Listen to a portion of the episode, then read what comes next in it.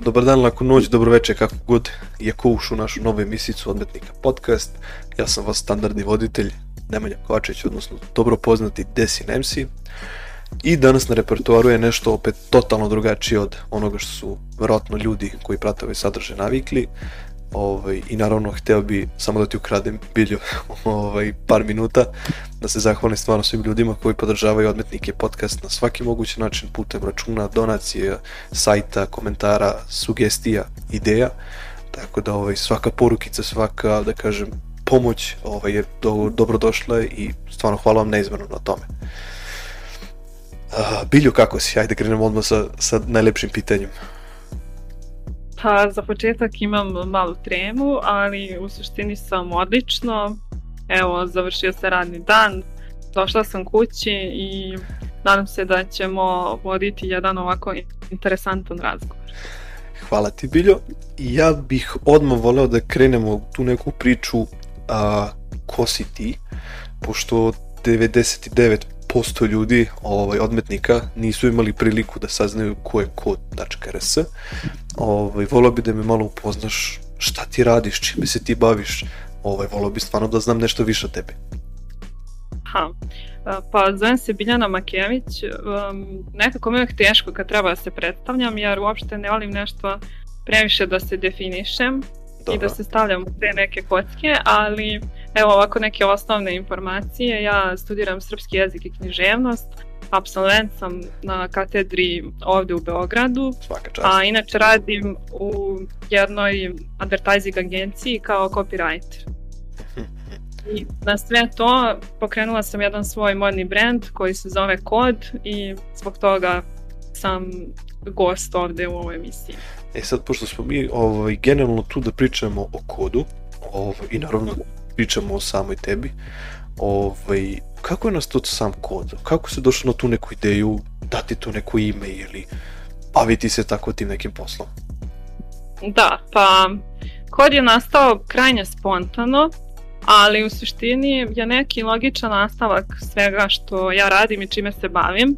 Nekako sam imala potrebu da sve što sam do sad radila da spojim u jednu priču, da tako kažem i palo mi je na pamet da bih to možda najlakše mogla da uradim kroz odeću, zato što nekako sam esteta po prirodi, kao svaka devojka naravno volim um, da se lepo oblačim, ali sa druge strane sam želela da ta moja garderoba ima neku dublju poruku, da to nije da tako kažem neka konzumeristička priča, nego da um, bude zasnovano na nekoj srpskoj tradiciji, srpskoj kulturi. I otuda kod kao srpski kod nešto što nas sve spaja. Meni je bukvalno kako sam ušao u celu priču, ovaj, ajde odmah, pošto da kažem, celokupna ideja ovaj, ove priče je ovaj, leteća, koja nas je spojila i koja je, to jednostavno, da, da, ovaj, odmah ćemo da je pozdravimo. I bukvalno kako sam ušao taj tvoj nekam Instagram profil, čuveni kod, kod ovaj Instagram profil, i kako sam proleteo sam Instagram profil da vidim šta nudiš, čime se bavi ovaj sam kod. Uh, Znači dolazim na taj neki font slova koji nekako opet uh, nigde nisam mogao da vidimo svim tim što ti kažeš knjigama ovaj, taj srpski ovaj, da. kod ne znam da se izrazim nekako lepše uh, ostavlja neki pečat stvarno kad vidiš na belom duksu onako crveno baš, da, baš i vidljivo, upečatljivo i bukvalno sam siguran da gde god da se pojaviš u tako nekom modelu ćeš privući pažnju Pa jeste, da, naša ideja je bila da Uh, mi spojimo te neke tradicionalne elemente, počeli smo od slova kao nešto najupečatljivije, a i nešto što je svima zajedničko, ja mislim ko govori srpskim jezikom, ali smo ih stavili u modern neki kontekst i sam Dux je onako skroz modern i to je neka ideja da kod spaja te neke tradicionalne vrednosti sa potpuno modernom estetikom. E, mislim da tako nešto ne postoji na tržištu. Postoji dosta brendova tradicionalnih, e, ali su oni nekako više muški i sve je počelo tako što sam ja htjela sebi da kupim neku kapu, bila je zima i kao da kupim neku kapu e, koju bih ja nosila da ima neku tradicionalniju ili više patriotsku poruku i shvatila sam da takva kapa ne postoji za devojke. I onda mi je bilo kao ja, ja moram to da napravim, kako je moguće da to ne postoje. Onda sam krenula da istražujem i postoje neki tradicionalni brendovi koji su, da kažem, malo skuplji i ajde da kažemo neki high class kao što je bio ranije Kadet, sad se tu pavila pojavio se brend Mati, ali to su već neki brendovi koji su nekako više elegantni, a ovo je baš streetwear i nekako je cina grupa ta mlađa populacija koja možda sluša i rap i trap i bilo koju tu savremeniju muziku, ali da ipak um, da im znači da postoji brand koji je totalno lokalni i da kažem ima te Pazi, uhvatit ću, te, uhvatit ću te jako na tu foru ovaj, tog belog duksa. Uh, mnogo sam, da kažem, veliki ljubitelj dukseva i, i pogotovo na mene najjači ovaj utisak ostavlja taj crveni duks sa uh, belim slovima koji je kažem oko struka i oko rukava. Uh, I bukvalno sam, kad sam video taj duks, trčao sam između slova da vidim da li ću uspeti da nađem neku reč da je slažena, da je sakrivena negde između tih slova. ja ne znam, ja sam bio toliko u šoku da stvarno ovaj, nema reči, nego kako onako, ne znam, trči se između slova, da. bude ti onako sve onako dobiješ neke ideje dok gledaš sam duks. Da Ovaj... Pa da, i to je isto bila neka ideja, nisam htjela previše, pogotovo ne ove prve kolekcije, da ih previše vezam za neku temu i da šaljem neke eksplicitne poruke. Samo smo uradili onaj njegoš duks koji jeste tematika Gorskog vijenca i da, tu da. ja sam stavila citat iz vijenca, nekako je morala moja prva kolekcija da ima takav duks, prosto zato što sam veliki eh, ajde da kažemo moderno fan njegoša. Mhm ali ostale i majice sada koje su izveštaj Duksem mi nemaju tu neku eksplicitnu poruku, jer smatram da je nekako od slova sve počelo i da prosto a, da i ja tako počnem da da kažem neki pečat svoj e, dam tako što ću da krenem od slova, a posle ćemo se baviti rečima, rečenicama i tako dalje. Da, da bi što me pomeni wow da se tako neko posveti svom brendu. Uh, gledajući ostale brendove i gledajući ostale ljude koji su pokušali da se brave, bave brendiranjem nečijeg sadržaja ili da prave neku priču ovaj, na delu koji nosiš, to su bile uglavnom jednostavne poruke, dve, tri reči ili neki nacrt ili uh, čak što se tiče, ajde tako neče, kad pričam, to spominjem najviše ovaj, isto neke kulture automobila. Uh, a, mhm. bukvalno znaš da ćeš videti čoveka koji vozi automobile, da na primjer ima majicu BMW-a, ok, ali ima samo za vozača BMW-a, razumiješ, šta će onaj koji vozi lupan Audija, on logično da nisi kupiti tu majicu. Ove, ovaj, mislim, ne kažem logično, nego 99% šanse da čovjek će reći, a što bi kupio marku suprotno ako ja vozim da. nešto drugo. Ove, ovaj, Pa jeste, da, ali nekako mislim da to kad kažeš da jeste to detaljno rad, ja sam takva nekako sam prilično detaljno u svemu što radim i zato možda ja isporije, da tako kažem, izbacujem uh, tu svoju odjeću i to mi je isto bilo važno da ja idem nekim svojim tempom pošto to radim sve sa baš ograničenim novčanim sredstvima i tako dalje, ja sad ne mogu sebi da priuštim da baš pratim ono i proleće i leto, jesen i zimu, iako bih naravno to volela, ali više mi je bolje da izbacim i dve stvari, a da one budu kako treba, nego da žurim pa ništa na kraju da ne uradim. A kako dobiš inspiraciju za neku novu kolekciju? Da li onako u nekim starim knjigama dobiješ, a, ne znam, stvarno davno sam ovaj, bio na nekom času srpskog jezika. da. da. Ovaj, čini mi se da se u srpskim knjigama tipa to prvo slovo ukrašavalo i to baš detaljno. Jeste, da. Pa da li si možda odatle možda kupila neke ideje ili dobila ne, neku skicu u glavi kako da, da projektuješ neki novi model ili kolekciju? Pa iskreno e, ne, e, zato što e, mi smo jako ograničeni sa fontom koji postoji um, i koji može da se koristi. Sreća pa su, ja mislim, za potrebe manastira Hilandara izradili par ovih e, fontova sa staroslovenskom ćirilicom, pa smo mi to pronašli, pa smo to primenili na majce. Inače, bismo morali prilike sami da izmišljamo i da plaćamo fontove, što nije uopšte jeftino a ima i mnogo umetnika koji se bave kaligrafijom i koji to rade i naravno da postoji neka ideja i da se napravi neka saradnja i da se to možda i ručno slikava pa da budu unikatni i tako dalje, ali opet kažem sve to zahteva neka dodatna sredstva i to je trenutno najveći problem, a konkretno za ovu prvu kolekciju ja moram da pomenem da ja imam dizajnera sa kojim radim, Petar Marjević. Njega ćemo I... odmah da pozdravimo, svakako. Da, pozdravljamo ga i nekako, naravno da mi on dosta pomaže i daje mi neke predloge kako bi to moglo da izgleda, ali da kažem, ta suština ideje i priče, to sam ja pokrenula i nekako u suštini zajedno se dopunjavamo i vidjet ćemo sada gde će to da ode. Me, ja bih jako volao da se desi, ne znam sad kakve su priče, da ti dalje guraš tu priču, ovaj, meni u čak u glavi te neke modne revije. Ovaj, da li zamišljaš sebe kroz nekoliko godina, ovaj, ču, ču, ajde, neću sad baš, baš preterujem nekoliko godina, ajde, ja, daću, da, ti, daću, ti, daću ti zadatak sledeće godine, da napraviš modnu reviju sa kolekcijom.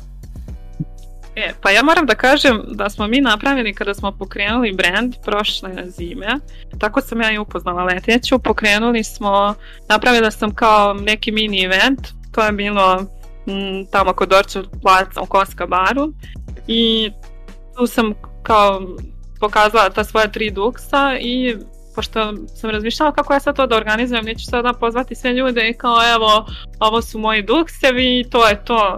Nekako mi to bilo banalno i onda sam odlučila da organizujem veče poezije zato što ja pišem pesme, ima mnogo ljudi sa mog faksa koji pišu pesme Čekaj, i vole pišeš, poeziju. pišeš pesme?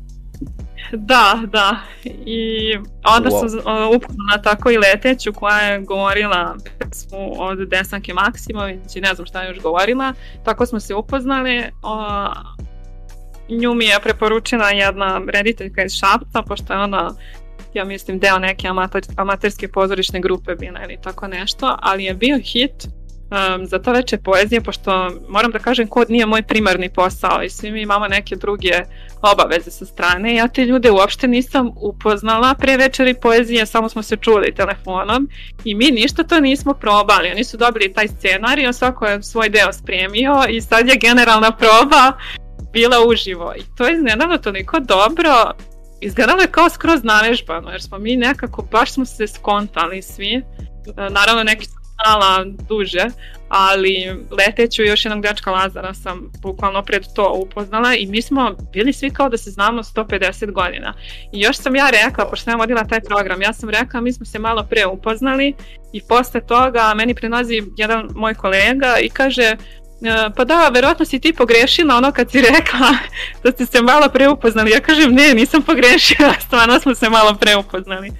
Tako da je to bilo baš zanimljivo iskustvo. Čekaj, gde se od, odigralo to ovaj veče, ako sam razumio muzičko veče ili veče poezije?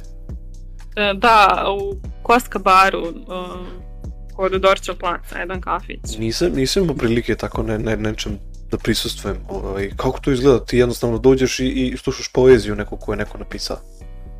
Da, da, govorili smo poeziju. Uh, um, ja sam izabrala i neke uh, pesme poznatih pesnika, mm a onda smo govorili neku svoju autorsku poeziju. Naravno, svi smo bili u duksevima i tako bila je malo i muzike, zanimljivo. Pošto delo mi... I to planiram da organizujem ponovo sad, u decembru će biti godinu dana, pa e, verovatno će to organizovati. Kakva je zainteresovanost mladih što se tiče tako nekih dešavanja? Pa znaš kako, ja sam zvala ljude koje ja poznajem i koji mene vole, pa moraju da me trpe. pa su na dani došli.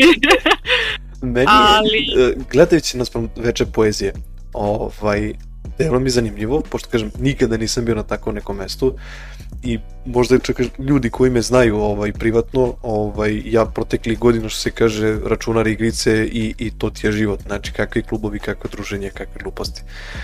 I sada kažem kako izlazim što se kaže iz rupe a, i mhm. upoznajem, idem tako na svakakve dešavanja. A, dosta mladine sad se digla ta hajka oko desingerica, oko ne znam takvih dešavanja, da, kako je to popularno itd. Ovaj, da li misliš da li neka omladina postoji između takvih redova da može da počne da zavoli ovaj kulturu i tako te neke večeri poezije da se to možda popularizuje u nekom narednom periodu? Pa da, ja mislim da postoji, mislim ne da mislim, nego sam sigurna da postoji, ali mislim da je i na nama, pogotovo uh, ljudima koji studiraju srpski jezik ili bilo kakvu drugu vrstu umetnosti, da nekako to popularišu na način na koje je to omladini blisko.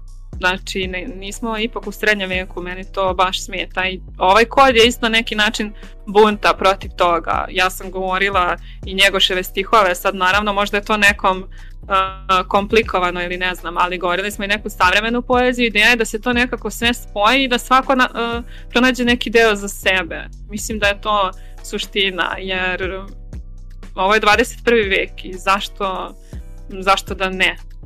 Čak ću ja mislim To je Izvini, izađu te prekinuti. ja sam kao, ajde da kažem, neki srednjoškolac, bio lik koji dođe na srpski jezik i a, pozdravit ću Nadu ako, da kažem, ikada bude oslušala ovu emisiju ovaj, i, i ubiće me vjerojatno ako mi kad nađe negde na ulici ovaj, Novog Sada. Ovaj, imali smo mi tu neku ekipu što se kaže ti dođeš na srpski jezik, ona čita tu poeziju i sada to je elegantno, tak glamurozno da ona kad podigne glavu od nas 31, bilo je dvoje živo, ostali su bili u dubokom snu, zimskom snu. Da, da, da. Ovaj, pokušaš ti nekako da saslušaš to i da razumeš i znaš da ćeš imati neki diktat, nešto ćeš imati neku proveru opet što je to žena uradila. A, koliko god bio u nekoj mogućnosti, 90% nas je selo i odgledalo film. Ovaj, ti svi filmovi su uglavnom bili snimani i koliko god ona tražila da mi to nađemo što je bilo u knjigama, što je napisano. Ovaj, nismo bili jednostavno ti likovi, mi smo bili mašinci i nama poezija je bila ne drugo mesto, nego sedmo mesto, ovaj, koliko nam je bilo bitno. Da, ali ja to nekako vidim, um, ako na primjer neko ne čita uopšte i ako pročita jednu knjigu godišnje, ako ga toliko zainteresuje, što nebitno, ono, pola knjige godišnje, mm -hmm.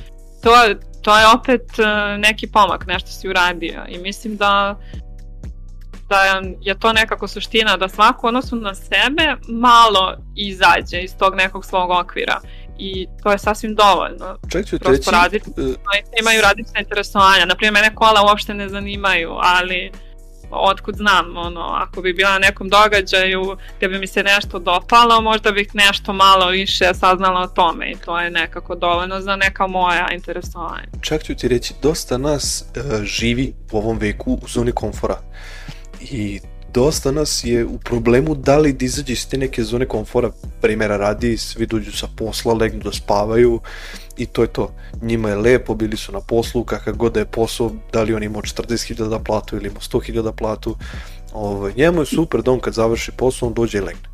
E sad, ovaj, da li umjesto tog da legneš i da spavaš ćeš možda pročitati neku knjigu ili ćeš, ne znam, otići na neki trening, e, učit ćeš, ne znam, nešto napredovat ćeš u nekim veštinama. Ovo, ovaj, jako redko to, barem na Balkanu što da vidiš iz domaćih primjera, redko to neko radi. Ovaj, naravno dok je na njivi, ko je u nekom selu, ko je recimo malo zabačenim ovaj, delovima Srbije, on živi totalno drugačiji život nego što mi živimo ovaj, u Vojvodini. Ovaj, to mi dosta smeta, ali bože moj, ti ljudi znaju da žive. Ovaj, kogod mi misle da je to primitivno. Da, ali znaš kako, meni isto, na primer, e, jako smeta, evo sad postoje razni, pod, možda dela kao digresija, ali nije, postoje razni podcasti na temu e, biznisa i sad kao kako da napravite svoj biznis, ono kako da zaradite prvi milion i tako Samo da to. Samo u glavi mi je onaj biznis pliče, čim tako da. Da, da, meni je to katastrofa, znači ja se, ne kao ja se ne slažem sa tim, nego je to toliko ne znam, ono kao radi više, radi bolje. Uh, ako dan traje 24 sata, nađi 25 sat. Toliko je nekako forsirano to nešto, uspeh na, na mišiće. A ja mislim da ljudi prvo treba dobro, dobro da razmisle šta je ono što oni vole da rade. I kada se to otkrije, onda vama nije to kao neka muka ili ne znam, nego jednostavno ja ovo radim zato što volim, a ne da bih sad zaradila milione sutra na tome i stvarno uživam u procesu uh, samog rada, rada, ali naravno da taj rad ima hiljadu problema, ništa nije savršeno, hiljadu puta se čovjek iznervira i sve to, ali je lakše nervirati se za stvari koje volite da radite nego za stvari koje ne volite da radite. Tako je. Ali me mnogo smara ta priča oko uspeha koja je toliko nekako, eh, ja mislim da je skroz individualna i svi ti ljudi koji su uspeli, mm, oni su uspeli, šta ja kažem, uz Božiju pomoć, dosta sreće i gomile okolnosti koje ih je podržala. Postoji gomila njih koje su isto to probali, i nisu uspeli, ne zato što su nesposobni, nego prosto su bile drugačije okolnosti. Čak su ti, ovaj, sad kad si rekla tu uz Božiju pomoć, ovaj, počinjemo u zadnje vreme da budem neki lik koji umjesto dobar dan, a dobro jutro kažem pomaže Bog. Ha. I dolazi mi tako nekad ljudi onako pogledaju kao u fazonu kao otkud to tebi kao, kako, kako ti to palo pamet da kažeš umjesto dobro jutro kao prećeš reći to nego znaš kao ovaj, i nekako pa vidiš da, da ljudi ne veru kao neka si deo promene, nešto se dešava između tebe kao nisi u kalupu nekom ti znaš, živi svaki dan isto da si ne znam što se kaže, u tom kalopu što, ajde, opet se hvatam te Britney priče. E, ti nisi u kalopu, nisi uradio to što je taj čovjek rekao i nisi uspeo. Kako? Mislim, svi smo drugačiji, svi imamo drugačije okolnosti života. Pa da, i zato je nekako meni neodgovorno davati tako neke globalne savete kada je e, sve individualno. Ja čak, kažem, gledajući neke situacije opet sprem, evo kažem, Srbije, ovaj, gde nama Vojvodina mnogo razvijenija od samo kažem centra i kažem donjih delova Srbije, ovaj, ti ljudi dole su srećni. Uh, imam dedovinu negde tamo u, u, u Brezni, to je neka okolina Takova, Rudnik, i bukvalno par kuća onako što se kaže deca idu u školu i u toj školi ima ukupno šestora dece. Uh, to jedno dete možda treba da pređe ne 800 metara do škole i da se pravi problem da li će preći preko semafora, hoće biti crveno svetlo, hoće njega neko kimbidovati što se sprdam, hoće ući u pekaru, hoće kupiti hleb ili će kupiti kiflu, znaš, hoće otići u minus, hoće ukrast nešto. Ovo dete mora da ustane ujutru u pola četiri, da ovaj, muze krave, da ih pusti na ispašu, da ne znam šta uradi, stavlja torbu na ranac i on je otišao u školu on će u školi da uči, on će da bude uz drugare, družit će se svi, niko niko će biti depresivan, ta deca imaju tamo ovaj, možda prvi računar koji e, kad upališ ujutru uveče će da se odradi tu funkciju koja tebi treba, recimo da uđe u internet, ali oni su srećni što to imaju, oni se druže, oni napreduju, oni jedne druge guraju, oni znaju da će ostati tu, da oni će morati da žive zajedno da bi opstali. Ovde, Jeste. u ovoj nekoj Vojvodini, da kažemo, opet gornjem delu Srbije, ljudi misle taj neki brz život, aha, sad te znam, sutra ću te zaboraviti, ja ko te šiša, razumeš, ne trebaš mi više. Jednostavno, meni je teško da pričam o tim stvarima. Ovaj, koliko smo ljudi jednostavno otuđeni postali, koliko taj neki srpski kod što ovaj, eto, imaš ovaj, totalno se izmenio, ta neka genetika Balkana i naš, naših ponosnih Srba se menja. Ove, ovaj, zašto se to menja i ja nemam odgovor na ta, te stvari. Pa ja mislim da je to dugi niz godina rađeno da se uh, e, stvari takav odnos ka tradiciji koja je toliko letargičan, da tako kažem. Tu je iskreno krivo i samo obrazovanje, jer uh, obrazovanje je tako napravljeno da imaš gomilu informacija, sve je kao lažno, sve je bitno, ali svugde se gubi suština. I Možeš da mi da kažeš broj... koliko, koliko stanovnika ima Brazil trenutno? ne znam, ali smo da to učili. Ajde da pitamo nekog da malog Marka iz sedmog razreda, da li on zna koliko Brazil ima stanovnika? Zna, da. Ali Šta sam htjela još da kažem? Da, ovo što si rekao da oni moraju da ustanu u četiri ujutru da, da idu do da. škole i tako dalje, e, to imam i u iskustvu da nekako što je čovjek više pritisnuti, da kažem šta je nekako veća muka, toliko se on više bori, bukvalno zakon fizike, ono akcije i reakcije. Tako je, tako. I ja često idem dole na Kosovo, i svaki put kad se vratim ja se nekako onako uh, duboko zapitam gde smo mi i u smislu koliko smo mi otuđeni jedni od drugih i od Boga u odnosu na te ljude tamo i ne, nikad neću zaboraviti e, pošto naravno kad se ode dole uh, vi čujete i razne priče raznih stradanja i problema koje oni tamo imaju i budete potreseni time da. ali nikad neću zaboraviti uh, oca Mihajla koji je rekao uh, nemojte vi nas ovde da žalite uh, ovde su ljudi na izvoru blagodeti, žalite sebe kada odete tamo u taj Beograd i kada sljedeći put uđete u shopping mall nešto da kupite. I a, a, a. ja se slažem skroz sa tim. Meni je jezivo, izvini, prekinuo sam te, ovaj, meni je jezivo koliko ljudi danas ne slušaju ovaj, neke mudre ljude. Uh, ne znam kako se zove jedan ovaj, da li je, sad ću ja da kažem pop ovaj, mm -hmm. ali čovjek koji radi u crkvi, ovaj, često se ga možeš vidjeti po Instagramu, po ne znam, Facebooku, priča tako razne priče što ljudi stvarno... On predrag, verovatno. Predrag, 99% sam siguran da je on. Da. Ovaj, te neke priče što se kaže ovaj, iz naroda, ovaj, čovjek vode u da, kuću, da. osvešta vodicu i tako sluša neke razne priče. Uh, što se kaže, čovjek dođe kod čoveka da mu osveti vodicu, čovjek mrtav pijan u sobi pored, misli da ga sahranjuje i viče kao je živ sam, živ sam. Ovaj, ja, ovaj. Mislim, jednostavno priče iz naroda koje nisu ovaj, na nekom području, kažem, centralne Srbije, to su na, priče na, u Vojvodini, ti ne možeš da veruješ koliko ti glupovih priča imaju, koliko su ljudi neobrazovani što se tiče ovaj, Boga. Ovaj, jednostavno, zašto to opet odlazi u to, tim nekim smerovima volao bi da se to nekako promeni, volao bi te ne, tu neku decu ovaj, da, da podine na neki viši nivo što se tiče ovaj, obrazovanja, samo je pitanje vremena kada će to ići u nekom boljem smeru i, i da se nadamo da će biti nekad bolje.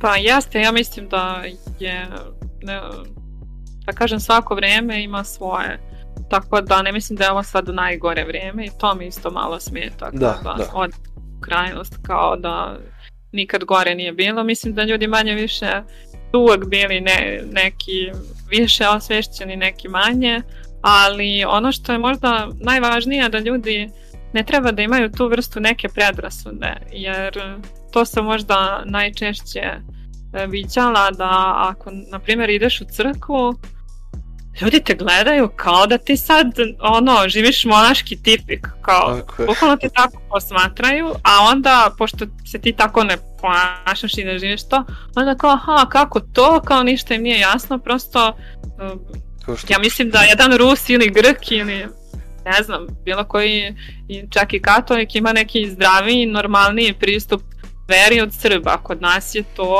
baš dve krajnosti. Tako je. Čak kad odeš u crkvu, što se kaže ovaj Mirolju Petrović kako odote da demoni obsedaju pa sad ideš u crkvu kao treba da bude neka redovna pojava da ti odeš u crkvu nedeljom da paziš na post i tako ovaj, još ću se sad mi pala malo prebila jedna stvar na pamet ovaj, ja u tom nekom svom kraju u Brezni ovaj, čini mi se ko Zodar da se preziva čovek ovaj, on je neki da kažem pisac to jest ovaj, mhm. književnik i ima nekoliko svojih radova uh, i on ovaj, često piše te neke dopise svojim ovaj, nekim televizijama i žali se ne znam kome ovaj, za, zašto se na nekim nacionalnim frekvencijama ovaj, uništava naš srpski jezik. Uhvatit ću ti primer, to je neke famozne televizija.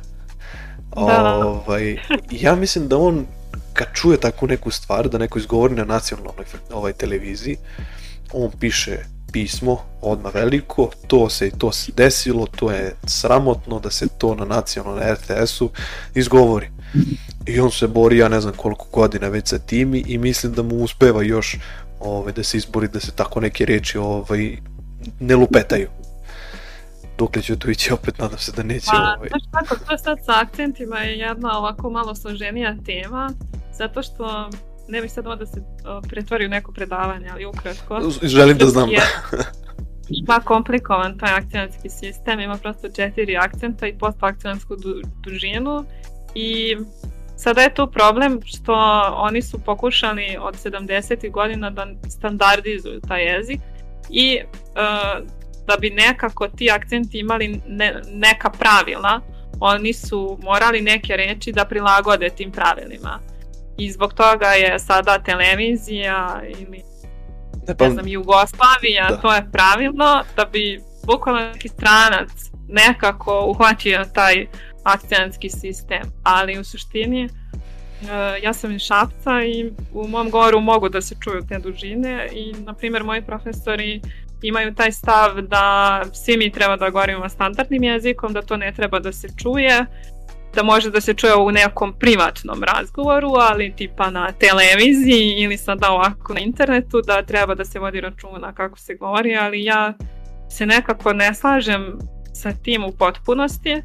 Naravno, treba biti donekle računa, ali toliko, a hajde da kažem peglati jezik, mislim da nije prirodno i da nema potrebe treba druga da sam ja speaker na, na TV-u, ali ovako da. stvarno mislim da svako treba da govori svojim govorom i da je u tome i lepota.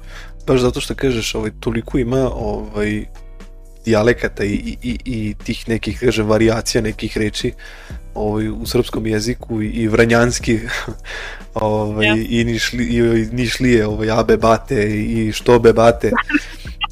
Tako da, ovaj, kažem, igrali smo, ovaj, kažem, jednu igricu 5M GTA itd. itd. i sad kad si ti u toj nekom virtualnom svetu, ti kad priđeš čoveku koji priča, kažem, balkanski jezik, možda nađeš i Balkanca, možda nađeš na nekog Engleza itd. ali kad nađeš tako na neke Leskovčane ili Nišlije, abe bate što ste mene na ale, abe bate i kad on krene da priča ti znaš da ne možeš više da staneš da se smeš.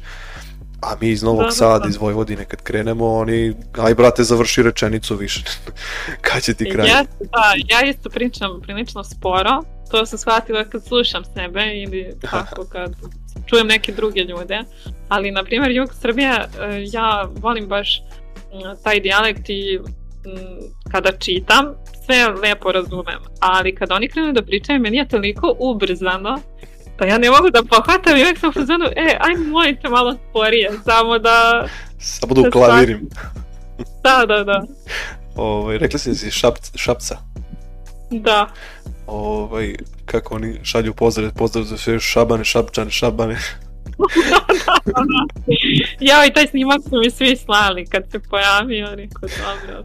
Meni je ovaj, generalno srpski jezik je lep, ovaj, kad ga pogledaš sa svakog nekog aspekta, gledajući ovaj, i, i te neke uzrečice kako ljudi dodaju i kako se to danas menja.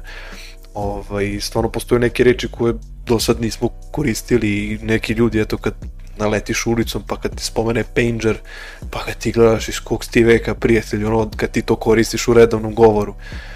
Ovaj... Da, ali čim se ode u neko selo, vi vidite koliko su očuvani Ako... dijalekti, mi smo imali kao jednu vežbu na fakultetu da odemo u neko selo i da snimamo neku babu.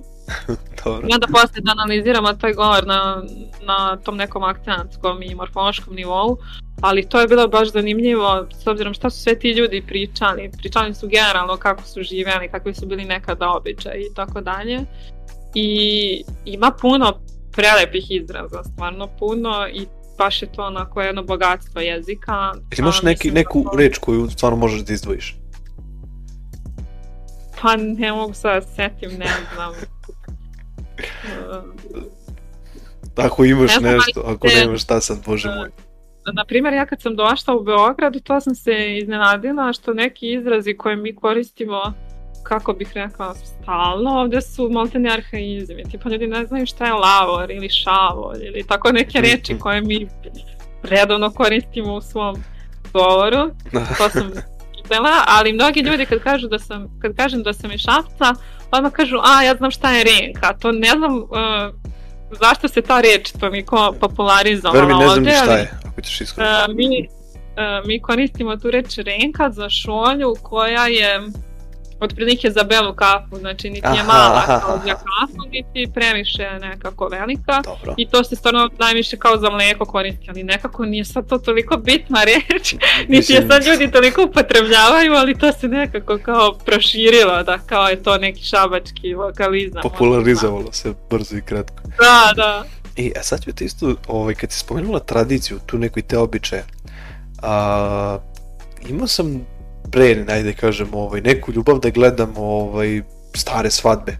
Ovaj, što se tiče nekih moje porodice i, i, i kažem okoline tih nekih rođaka uh, ja ne mogu da verujem da stvarno toliko lepih ob, ob, ovaj, događaja ili kako da kažem običaja koji moraju da se ispoštuju jednostavno su bili aj kao ne mora i danas dolaziš u situaciju dolazite svi na ručak dolazi čovjek da te proglasi ovaj, mužem i ženom, muzika, band svira, ovaj, nema više ni domaće, nego pusti se neki DJ opali, ne znam, Skrillexa i idete kući, što se kaže. Bila lepa svadba.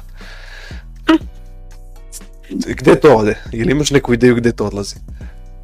Ja pa ne, ne znam iskreno, ja ne volim generalno svadbe kao čin, mislim barem ovo danas mi je stvarno, ja ne znam ranije kako je to bilo, nemam neke snimke da vidim, ali ovo danas ušte se pretvorilo, iskreno meni je to katastrofa, zato što se uh, pretvorilo u neki pozeraj, uh, neku gomilu nekog slikanja, neki šampanjac koji pušta neku penu. znači, ja sam u fazonu koji cringe, užas, još pogotovo onaj prvi ples, mislim, ne znam, meni je to ono kao svi te gledaju, ti se tu nešto njišeš, znači, baš nisam Moram te priče. pitati jednu jako bitnu stvar. Šta misliš o onom gender revealu što, se, što je toliko popularno da otkriješ pol deteta? A ne znam tačno šta je to. A, ukratko, a, isto tako kao momačko ili, ili ne znam, devojačko veče. A, e, to se event napravi, ja? To je, pa ne znam, to je kao event, jel ne znam šta je to, znači skupite se svi zajedno i sad je tu ne znam kao neka scena gde će njih 300 da snimaju taj što se kaže gender reveal ili ti otkrivanje pola deteta ovaj, kao bukvalno samo žurka... Da ti onda pred njima, jel kažeš da, kojeg je da. planet, jel to planet? Ali ne da kažeš, nego fazon kao imaš onaj balon koji kao probušiš ili ne znam, sad to... Da, i onda je bila kao fora, preleti avion pa ispusti da li plavu ili rozo, pa ne znam, piješ šampanjec pa se on kao ili pretvori u plavi ili rozi, ili driftuješ sa autom pa sad da li je plavi ili, ili, ili taj baby dim, taj za devojčice. Ja ne znam, Krvotno. jesi ti možda videla tako nešto? E, nisam, ali mi je već, ovaj, nije mi dobro od ovog opisa, ali u suštini, ja nekako ne vidim poentu, uh, ljudi su počeli sada apsolutno sve da slave. Ja sad ne znam da li oni stvarno imaju toliku potrebu za zabavama ili šta se tu dešava ili je to tolika potreba da oni budu na taj način vidljivi. Ali ja sam videla sad se, na primjer, polazak u prvi razred, prave se isto zabave, ono, kao da, da, da, da. i tako za sve, bukvalno za sve. Ja sam skoro rekla, uskoro će se napravi zabava kad beba prvi put vrši nuždu, pa će se to Čak, slaviti. Sad mi znači- pada na pamet, uh, pre, ajde kažem, kažem, neki običaj po nekom nahođenju mom, a, ti odlasci u, u, u vojsku ili, ili tako nešto bitno, što kaže, ne znam, odlučio si nešto veliko da otvoriš firmu ili ne znam šta, to se pre slavilo isto tako šator, ne znam, prase se okrene, to je ono što kaže domaćinski sve. Uh, sad ti 18. rođendani, ja ne mogu da to su iznajemljuju sale, to je 300 zvanica, to je što se meni tiče, može tu i dečko da bude odmah i slavlje, što se kaže i svadba da se obradi sve zajedno. Ove, mislim, i onda se ljudi žale... Ok, neko podrža, neko ne, ok, to je sad možda moderno, ali onda dođemo u neku situaciju, žalimo se, ja nemamo para Pa kako nemaš para, čoče, svake godine iznajmljuš salu, čoče, si normalan. Ono, od ponedeljka do četvrtka jedeš ćevape i kobasice, znaš, oni sad se žele na ovo meso, poskupljenje mesa, nestana kobasice i tada svi se žele na to. Pa ljudi, zaboravite bre šargarepu kako izgleda paradajz. I to fenomenalno. Ajde, okej, okay, razumem, ajde, znaš, kao jednom se slaviš, rođendan, pa ajde, nebitno, ne, ne mora biti 18, nek bude 22, ajde I tu si okrenuo prvi si šurku i ti ćeš narednih par dana, razumeš, ona mala jaješ paštete i šta ja znam. On već navikao čuče da jede svakih sedam dana, razumeš, pljeskavice i meso. I ljudi, ljudi pate od toga. Zašto? Da.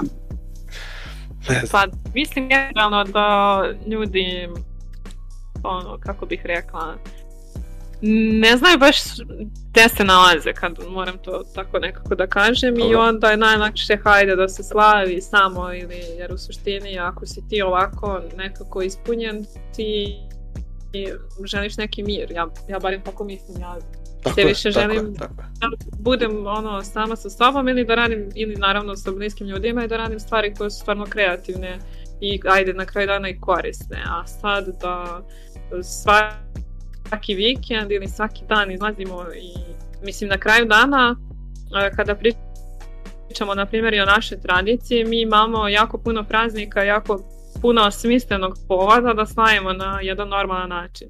I kada, ne znam, da veliki praznik, ti odeš u crkvu i doživiš tu vrstu radosti, onda tek vidiš koliko je ovo isforsirana radost, zato što u suštini je to veštački način da ti budeš srećan, uglavnom uz veliku količinu alkohola i droge ili čega već.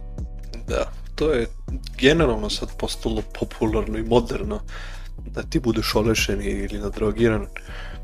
Ovaj, sad, zašto je to tako fancy i zašto je to neki kaže to je super naš kao to će da te učini čovekom ima da budeš jedan kroz jedan razumeš najbolji čovek na svetu ako to ja, budeš koristiti. Ja, šta je zanimljivo? Šta je zanimljivo? Zanimljivo je što kada ti eksperimentiš, ali stvarno bez osude ovaj, bilo koga za te stvari, kada tako eksperimentišeš sa tim, onda oni uh, kažu ja uh, kako si otvoren ili ako, na primjer, nešto ne probaš, zašto si tako zatvoren.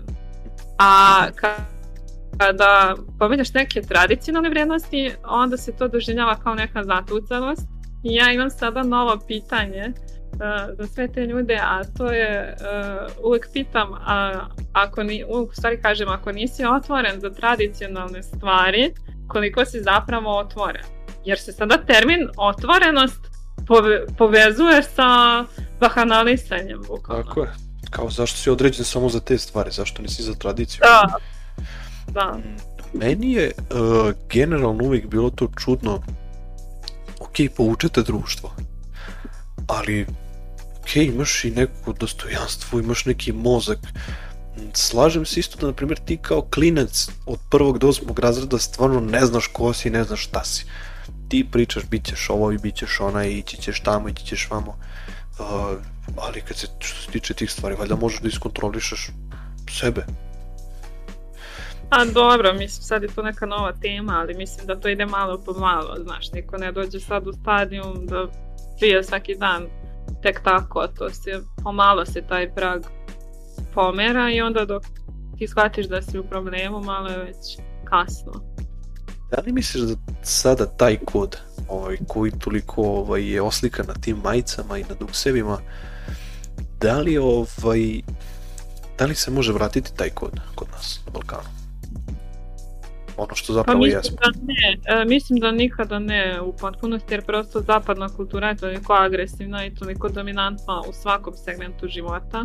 Na kraju krajeva mi živimo e, kako zapad diktira i u smislu našeg radnog vremena i gomilu stvari koje radimo u tog dana.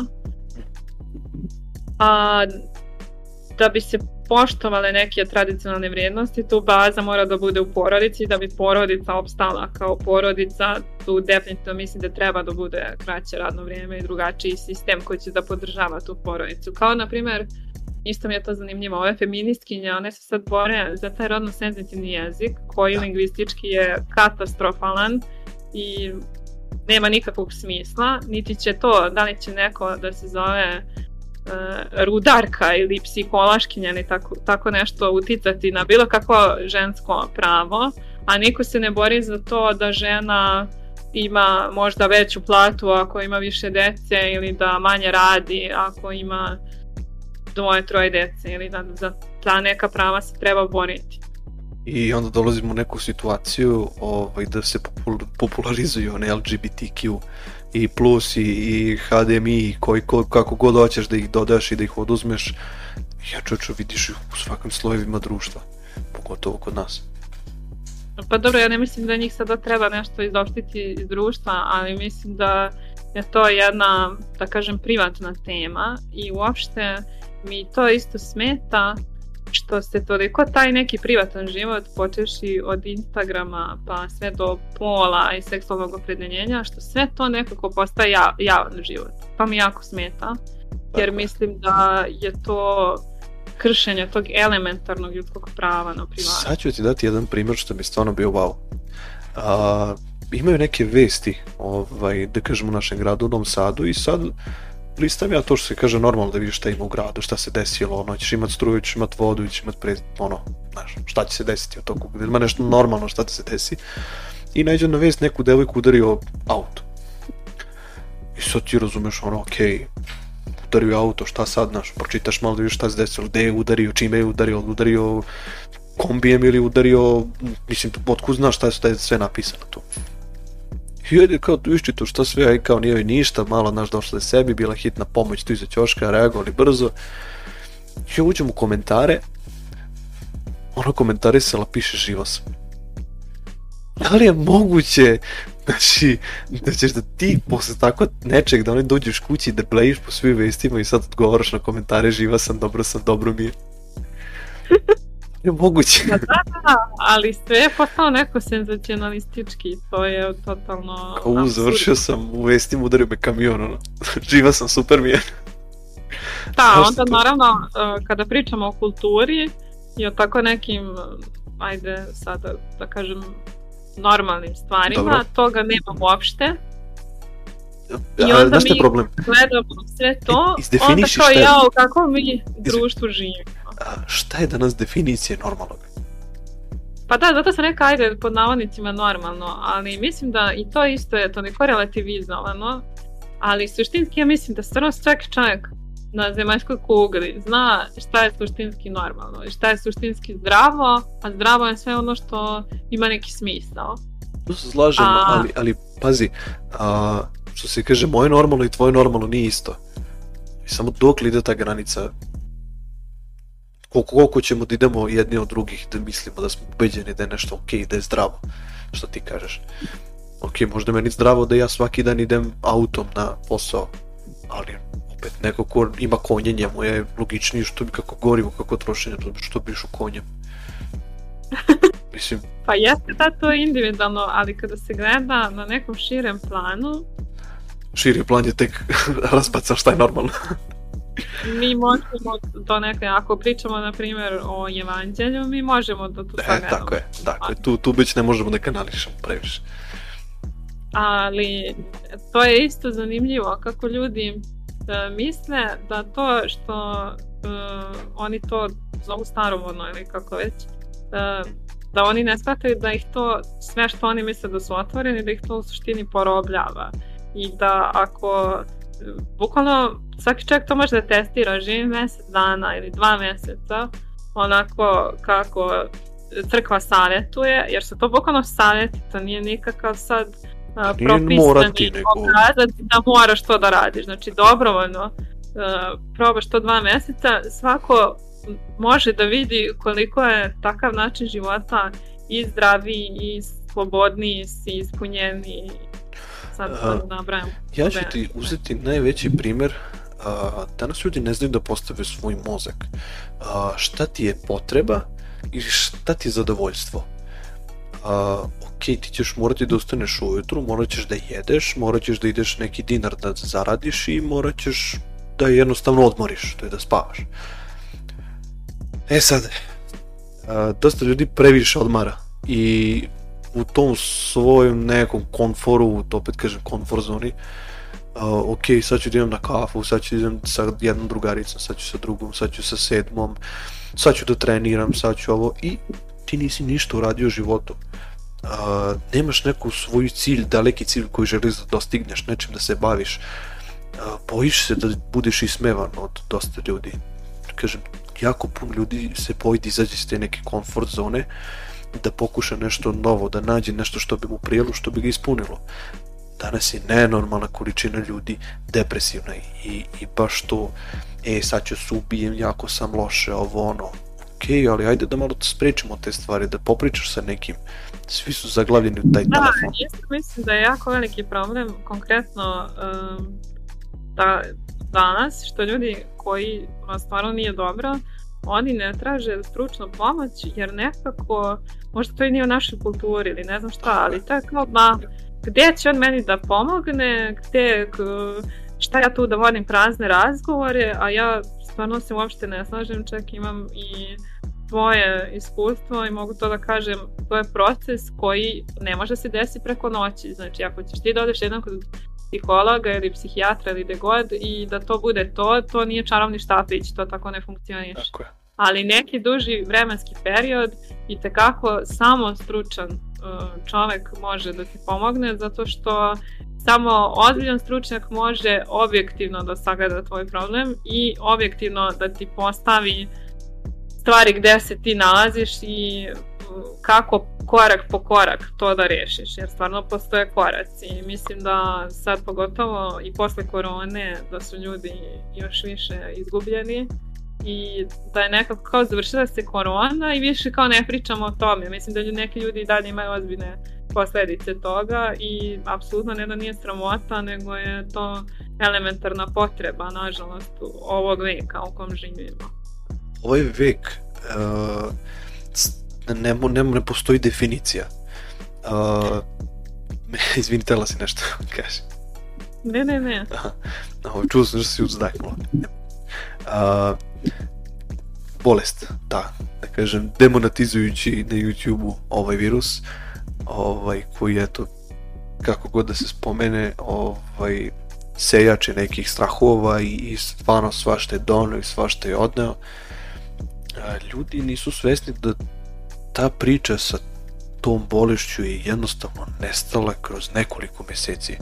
Ti si bio u obavezi da se vakcinišeš da bi morao da završiš fakultet, ti si bio u obavezi da se vakcinišeš da ne bi zarazio kolegu na poslu. Morao si da se vakcinišeš da bi ušao u autobus. Danas možeš polu goda da uđeš čovječe u autobus, niko ti neće ništa reći. I bez maske. Čak. Pa, ali to je mm, nekako Toliko Jezi... se brzo živi i toliko brzo sve prolazi da se sada kao pravimo da se to nije desilo. Zaboravljaju ljudi te neke osnovne stvari kroz koje su živeli.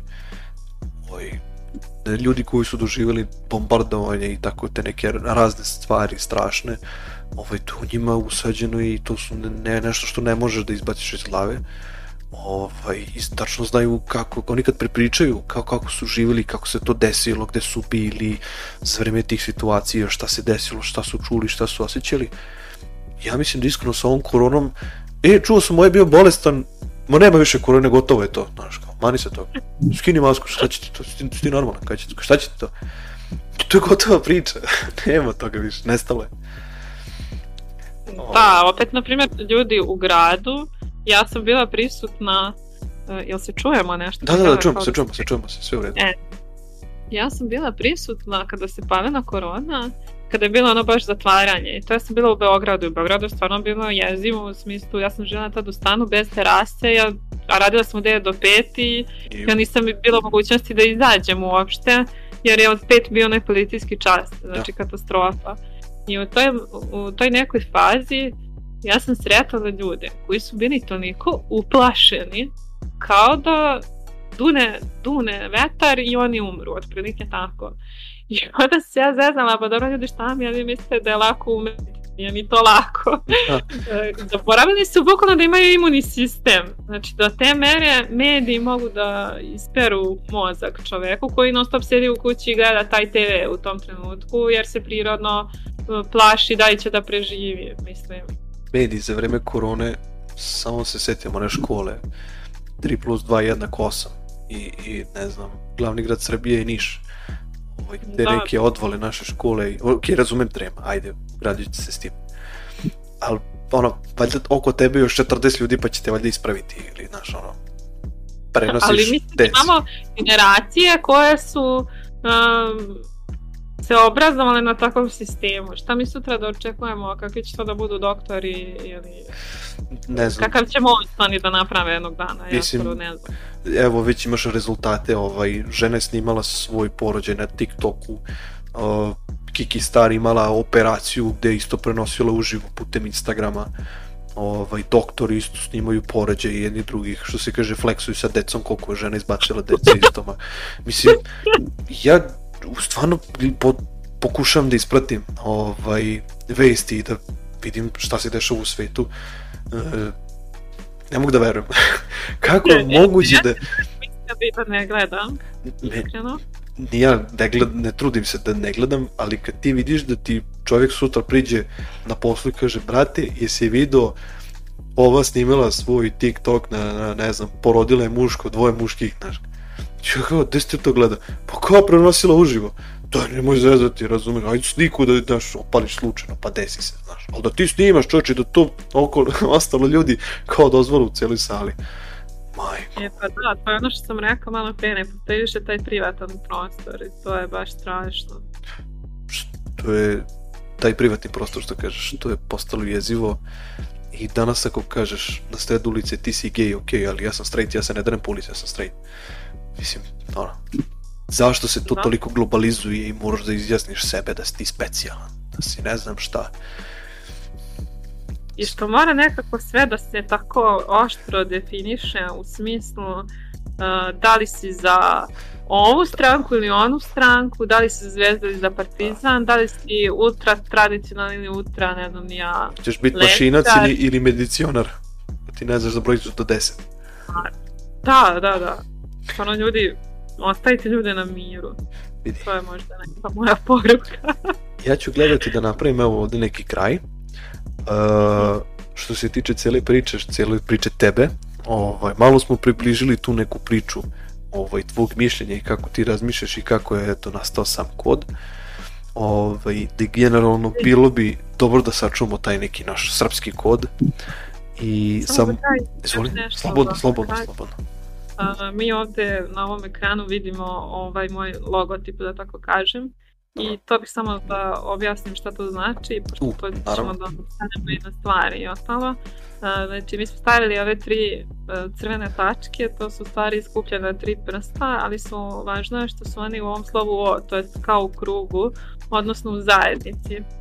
I uh, to je ono što je suština, da kod stvarno simboliše tu zajednicu E, i neka ideja je da se on širi na taj način za da stvarno e, gomila ljudi koji ima neki oblik patriotizma, može da da neki svoj doprinos i kada budu te večeri poezije i ostalo, naravno pozivam sve da dođu, Uživamo, da vidite obavezno. što mi radimo uživo, naravno da me pratite na Instagramu kod.rs i da čitate malo moju poeziju, pošto i to bude nekad ispod slika. Ja generalno se trudim da pišem tekstove ispod slika, iako na primer mnogi su mi rekli kao, ma što, kao nemoj to raditi, ko čita to neko duge tekstove, nije tačno, moji pratioci čitaju, zato što nekako želim da kroz taj neki, e, kroz taj neki Instagram oni dobiju i neki dodatni sadržaj, a ne samo da gledaju lepe slike. Tu se slažem maksimalno, ostaviš neki svoj pečat, tako da to da. je za veliku pohvalu. Uh, imaš još nešto da dodaš, slobodno? Pa mislim da je to to. Uh, isto uh, ono što ja to isto mogu da kažem, ja se nisam odlučila na Instagramu da se snimam zato što prosto ne volim to da radim, jako mi je to naporno i nekako ne volim uopšte sebe da gledam na taj način i ovo što se ja slikam za brand i to je meni previše, jedva to uradim, ne volim uopšte to da radim, ali E, zato i pozivam ljude da čitaju, jer mislim da generalno taj mali tekstić koji se napiše ispod slike mnogo više e, govori nego to što ćete vi da pogledate neki video gde ću sad ja da idem tamo i ovamo i ne znam šta da pričam. E, mislim da je ovo ovako nekako zanimljivije i sa neke strane, eto, ko ima strpljenja da čita, on će i dobiti taj neki sadržaj ko nema, on nek gleda slike i to je skroz okej. Okay. Slažem se maksimalno sam stražen. E, ja ću dodati jednu veliku stvar, kad si spomenula te tri tačkice, ja sam bukvalno stavio tri prsta i gledam ta tri prsta. pa da. Tako da genijalno. E, ako je to to, ja bih preuzeo da se zahvalim naravno svima koji su došli do kraja ove emisice. Ovaj, Biljo, tebi sam neizmerno, neizmerno zahvalan zato što si došla ovaj, da pričaš u našoj emisiji ovaj, o kodu. Odmetnula sam se i ja. Sam. Hvala, sad si drugačija. I ovaj, upravo cilj samih odmetnika je da prikažemo ovaj, ljude koji su drugačiji, ljude koji su unikatni, ljudi koji su drugačiji od kalupa društva, da pokažemo da imamo ovaj, ljude koji imaju neke ideje, ovaj, tako da eto, neko može da se ugleda na ovakvu neku priču i da stvori neku svoju ideju. Ja sam samo isto rekla da slobodno. naravno ako neko ima neke ideje za saradnju ili šta god, sponzorstvo, šta god može da se javi, otvorena sam za sve predloge. Svi kod bilja da se javite obavezno, bar da ste slušali. uh, hvala vam kažem stvarno još, ima, još jednom svima, Hvala vam naravno za sve donacije, za sve savete i za sve ideje koje smo dobili putem komentara ili porukice koje dobijam eto, putem maila ili na društvenim mrežama. Ovaj, sve ostale, da kažem, dodatne sadržaje možete biti da vidite ispod, ću negde staviti ovaj, ovaj, prvi na linku i natočite jeste link Instagram stranice kod RS-a. Ovaj, ispod su takođe linkovi, oficijalni linkovi odmetnika i sajt. Tako da, vidimo se, budite dobri i uživajte.